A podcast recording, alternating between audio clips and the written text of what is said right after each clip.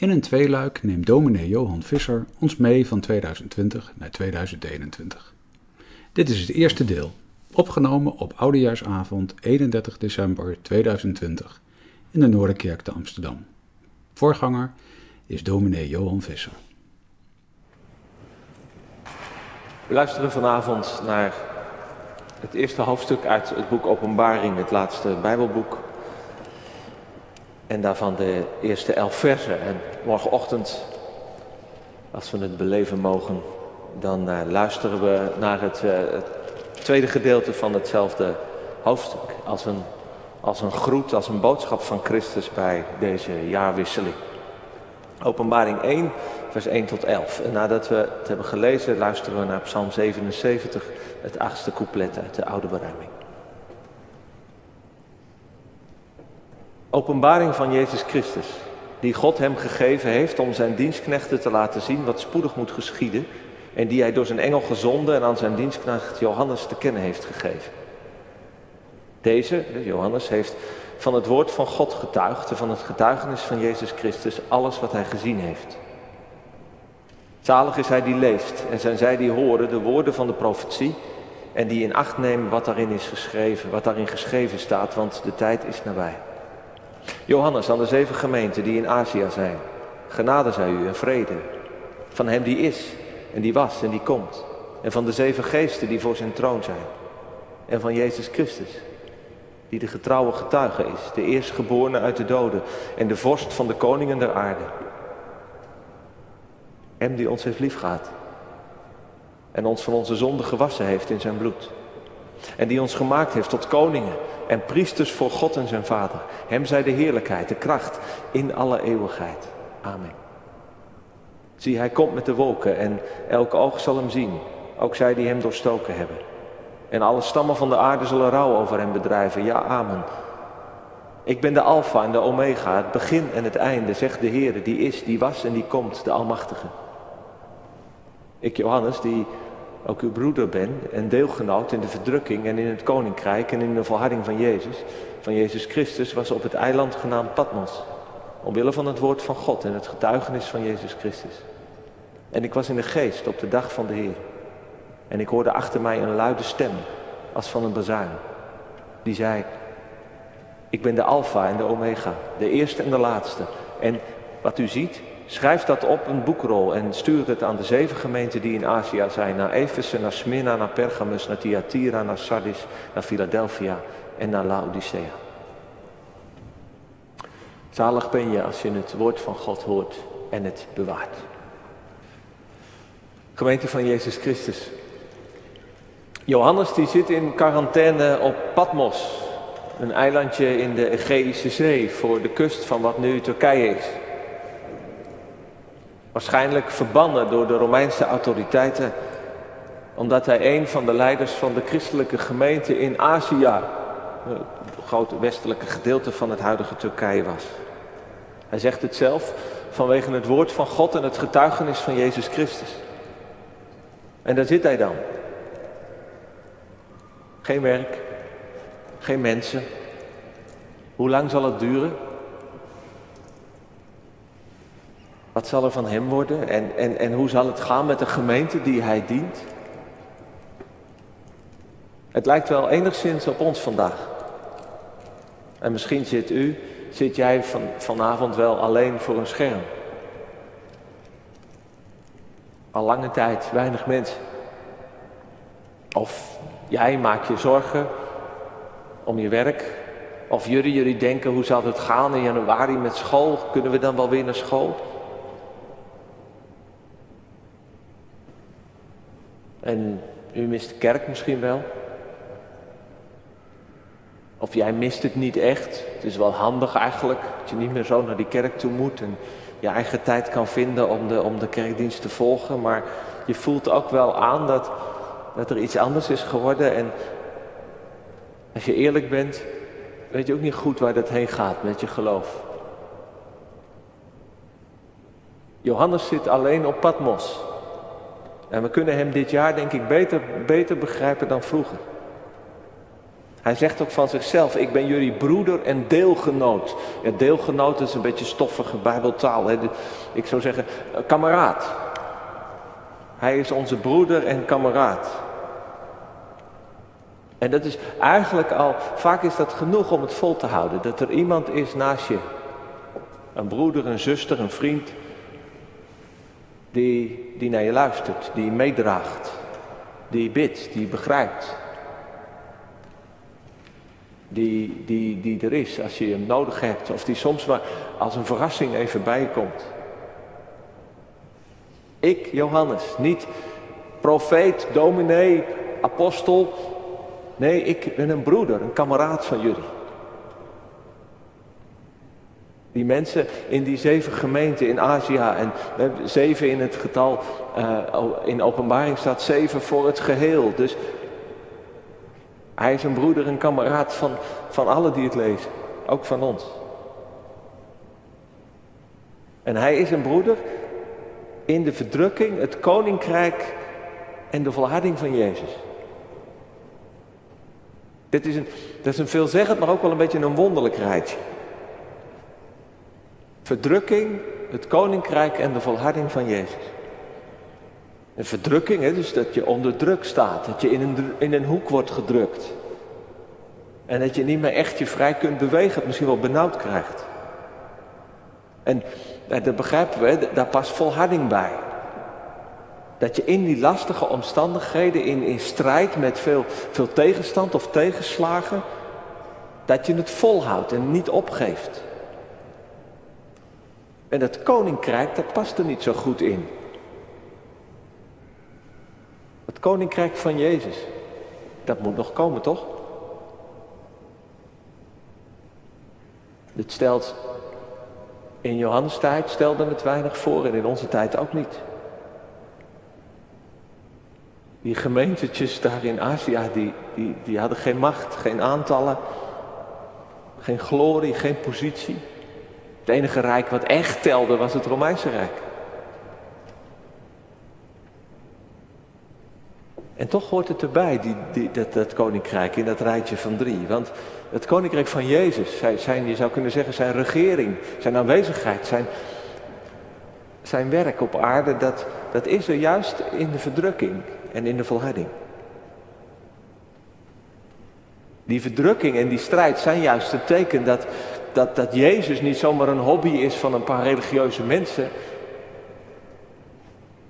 En dat hij veel meer is dan, dan een life coach of een cursusleider of, of, of een zingever. Bij wie je kan aankloppen als, als jij hem nodig hebt. Maar dat hij een koning is, een heer. Met een rijk. Wat, wat natuurlijk botst met andere koninkrijken.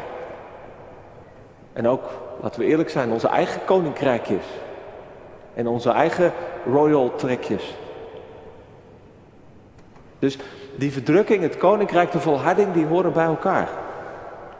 Dat is volgens het Nieuwe Testament de normale toestand van volgelingen van Jezus.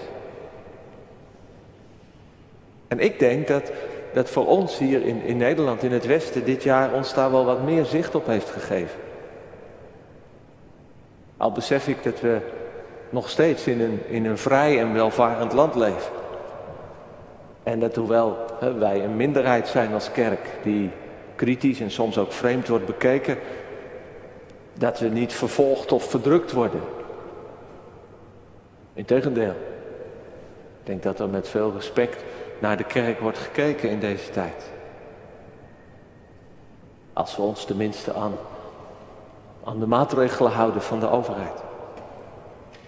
Ik denk dat die verdrukking vandaag er veel meer in zit, in de druk om dat koninkrijk van God, het koninkrijk van Jezus, niet echt ernstig te nemen. Maar als, als een van de vele opties die je in je leven hebt. En waar je dan ja, wel of niet voor kiest. En de ene keer meer en de andere keer minder. Dat dat koninkrijk niet echt een koninkrijk is, maar iets wat, ja, wat aan de rand van je leven is, omdat je er niet van afkomt. Ik sprak dit jaar iemand ja, die zei, ja, ja, ooit als ik nog doodga, en dan weet ik niet zo goed hoe het moet. Dus ja, dan moet je toch maar een beetje iets met, met die God houden, want ja. Of als een soort van laatste hulp bij ongelukken. je er echt niet meer uitkomt, dan kun je altijd nog een schietgebedje proberen. Of een vaag soort besef van, nou ja, er zal wel iets zijn. Dat is aannemelijker dan dat er niets is. Maar ja, wat, wat dat iets dan beeld of moet. Ja, en ik denk dat deze coronacrisis dan echt een soort van verdrukking is. Een, een beproeving zou je kunnen zeggen. In de Bijbelse zin, hè, dus dat, dat je leven onder druk wordt gezet. Om te laten zien wat er nu echt in zit. Niet een soort, soort pesten of tegenwerken, maar veel meer. Er komt druk op. En nu moet, wordt het zichtbaar hoe het zit met je geloof. Nu de vaste gewoontes zijn doorbroken. En de kracht van het sociale gebeuren van samenkomen grotendeels verdwenen is. En wij allemaal toch een soort in de overlevingsmodus zitten.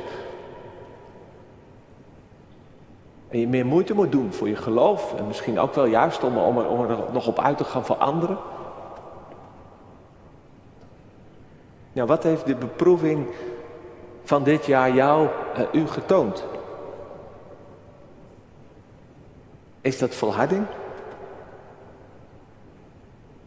Dat je dat koninkrijk echt niet kunt missen? Of misschien wel dat door de druk van dit jaar je, je geloof wel sterker is geworden. Dat het echter werd. Dat je besefte, ik, ik, ik kan niet zonder, ik wil niet zonder. En daar heb ik nog wat extra, daar zet ik me nog extra voor in ook. Of, of dat je afhaakt. Dat je merkte dat er onder die gewoonte die er was, dat er eigenlijk heel weinig zat. En dat dat koninkrijk van Jezus ja, een zaak is waar je toch een beetje, een beetje bij moest schreeuwen.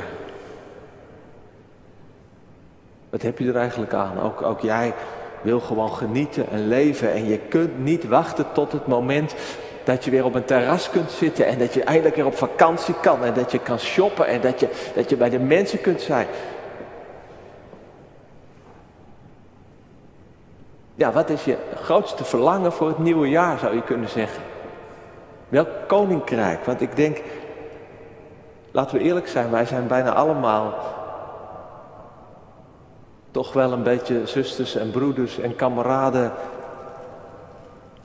in het koninkrijk van een gelukkig, comfortabel consumentenleventje. En in de verdrukking daarvan ook, want dat vraagt het van ons niet. En in de volharding van de, van de consumenten. Totdat de aarde is leeggevist en leeggekapt. En volgezet met betonnen en plastic heerlijkheid van de eeuwig genietende mens. Dat is ook een koninkrijk. En een crisis maakt volgens mij ongenadig duidelijk bij welk koninkrijk je hoort. Wat nu werkelijk telt in je leven. En laten we deze kale oud en nieuw nu dan maar nemen als een, als een uitnodiging om eens eerlijk te kijken. Waar je verlangens liggen, de balans op te maken. Maar ook, maar ook om je te spiegelen aan kameraad Johannes. En daar wil ik tenslotte nog, nog even bij stilstaan. Johannes vertelt dat hij op de dag van de Heer, dus dat is de dag van de opstanding, de, de zondag, dat hij niet naar de kerk kan. Er is geen online dienst te beluisteren. Dat zou gek zijn natuurlijk, Patmos, duizend, honderd na Christus, hè, er was geen internet. Maar hij vertelt dat hij in de geest is.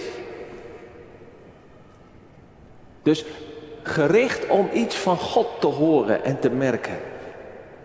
Johannes die heeft of die zoekt zijn eigen lijntje met God.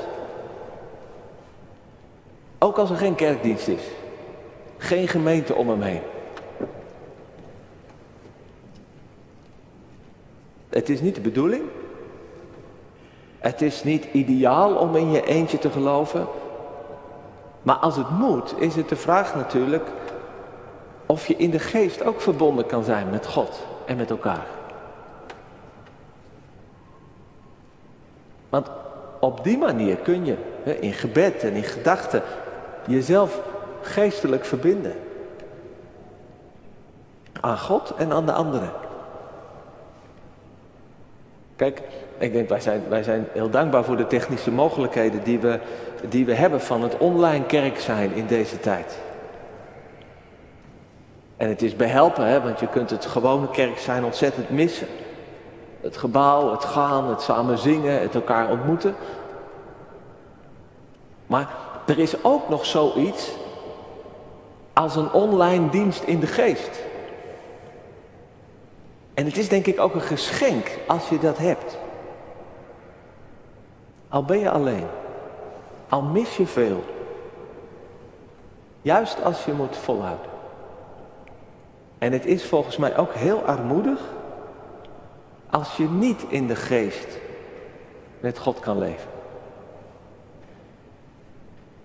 En Johannes, zomaar even heel simpelweg, door wat we hier van hem zien, die daagt ons denk ik wel uit om ook je eigen geestelijk leven te zoeken en te onderhouden en te beoefenen. En, en in deze tijd niet alleen maar tevreden te zijn met wat online aanbod. En nou ja, dan hebben we het ook weer gehad. En, dus dat is het eerste. Johannes heeft een, een, een online dienst in de geest. En het tweede is, Johannes heeft ook het woord van God. Want wat hij allemaal ziet en opschrijft, dat is een soort van spons die hij in de Bijbel heeft ondergedompeld, in het Oude Testament. En die je eigenlijk weer in zijn geest uitknijpt. En in allerlei visioenen en woorden die hij gaat, gaat zien en opschrijven, eruit komen. Openbaring die heeft 404 versen, het hele boek. En daarin zitten 518 duidelijke verwijzingen naar woorden en teksten uit het Oude Testament. En, en, en, de manier waarop Johannes opschrijft is het duidelijk dat hij ze niet heeft keurig heeft zitten overschrijven of zo uit de Bijbel. Nee, dat zijn woorden die, die haalt hij uit zijn hoofd, uit zijn geheugen, zijn hart. De Heilige Geest die, die brengt ze naar boven, waardoor Johannes met een soort van nieuwe verbeelding en inspiratie dingen gaat zien over die verdrukking en over het koninkrijk en die volharding in zijn tijd, wat er aan de hand is. Iemand vertelde me een paar weken terug van, een, van een, een hoopvol bezoek aan een oude demente zuster van onze gemeente. En, en ze vertelde mij dat bij alle verwarring en, en die vragen, en dat herken je misschien ook wel hè, van iemand die dement is, van vragen die zich steeds herhalen, kwamen er opeens ook woorden uit de Bijbel boven. Uit die oude lofzang van Zacharias en, en Maria. En toen, toen, toen die werden ingezet om te zingen, kwamen ze bij, bij onze zuster zomaar, zomaar omhoog, uit het geheugen. En zo ontstond er een heel ontroerend moment van verbondenheid in het geloof. Laten we de kracht hè, daarvan, van bijbelwoorden en liederen en psalmen die heel diep in je hart en in je geheugen zitten, laten we dat niet onderschatten. Want daar kun, je, daar kun je op overleven. Dat is ook eigenlijk wat je hier ziet bij Johannes. Daar kun je ook weer nieuwe dingen gaan zien en horen doordat ze bij je zijn en in je gaan leven. En het derde is dat Johannes gewoon aan het werk moet.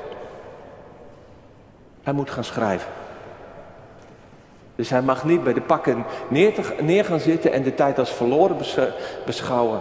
En misschien heeft hij natuurlijk wel een tijd geklaagd en met zijn handen in het haar gezeten. Maar ook op Patmos kan hij iets betekenen. Met zijn pen. En zo zal hij de herder en de profeet zijn van die christenen in Azië. En ik ben ontzettend dankbaar dat wij het afgelopen jaar ook de geest hebben ontvangen.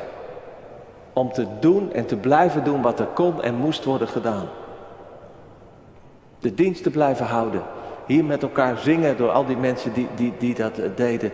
Uh, maar ook gewoon even elkaar bellen, bij elkaar langs gaan. In een kleine groep samenkomen of juist iets, iets groters huren om toch nog kring te kunnen houden. Zoomen, filmpjes maken. Even een teken van leven en van missen sturen. Dat is een vorm van volharding. En volharding is zo'n groot woord, maar ik denk dat we afgelopen jaar daar, daar echt iets van hebben ontvangen. En hebben gedaan. En dat is iets om dankbaar op terug te kijken. En dan ontvangt Johannes een openbaring. Dus met dat hij daar is, in de geest, met het woord van God in zijn hart en zijn geheugen. eh, En met, met, met een opdracht die hij krijgt, ontvangt hij een openbaring. Er wordt hem iets geopenbaard. Door Jezus en over Jezus. En een openbaring is dat je iets gaat zien. Iemand gaf een mooi voorbeeld van, eh, je komt thuis en, en, en er is de ander, iemand anders is aan het koken en je ruikt van, hé, hey, ik ruik iets, wat, wat is het ook alweer? Het is in ieder geval lekker en ik heb honger. En dan loop je naar de pan en dan doe je de deksel open. En dat moment is het moment van openbaring. Dat je denkt, oh ja, dat is het. En wat Johannes hier in zijn boek schrijft, dat is openbaring. Dat is de dingen die er zijn en die zullen gaan gebeuren. Niet allemaal helemaal nieuw, nee, want het is allemaal, komt het uit, uit het Oude Testament. Maar het zijn dingen die je zomaar kunt vergeten en waar je, die je niet scherp hebt en soms niet in je eigen tijd ziet. En dan moet iemand even het deksel optillen, zodat je het gaat zien.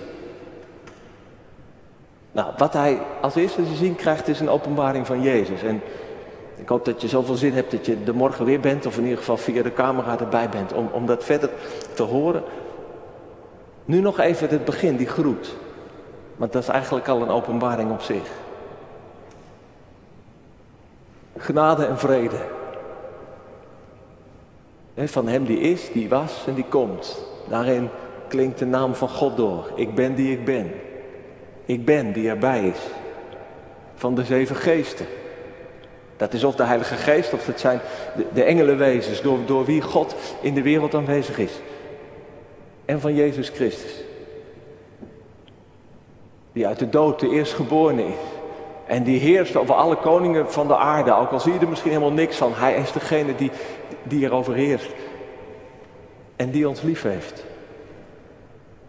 En ons heeft verlost van onze zonden. En ons tot een koninkrijk en priesters heeft gemaakt. En ik moest denken bij dit gedeelte van, ja, wat, wat, wat, doet Johannes hier eigenlijk? Dat hij dat aan die mensen daar in Azië in, in hun druk uh, schrijft. En toen moest ik denken aan het lied wat we straks gaan horen. De nacht is haast ten einde. Dat is geschreven in 1937 door Jochen Klepper, een Duitser. In de tijd van de nazi's.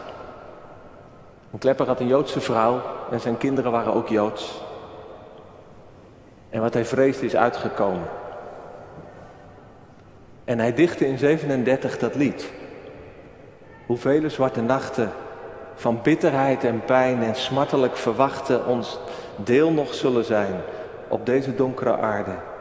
Toch staat in stille pracht de ster van Gods genade aan het einde van de nacht. Zo ziet Johannes eigenlijk die ster van Jezus, van God, staan boven zijn eenzame eiland. Boven Azië, waar zijn broeders en zusters het zwaar hebben. Boven de hele wereldgeschiedenis, die, die heel veel benauwdheid en strijd en lijden zal kennen.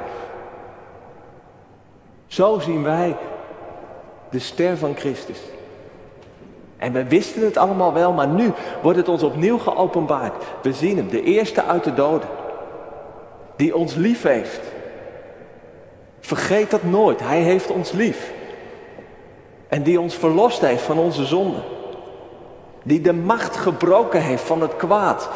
Dat nog zo aan ons kan trekken en zuigen.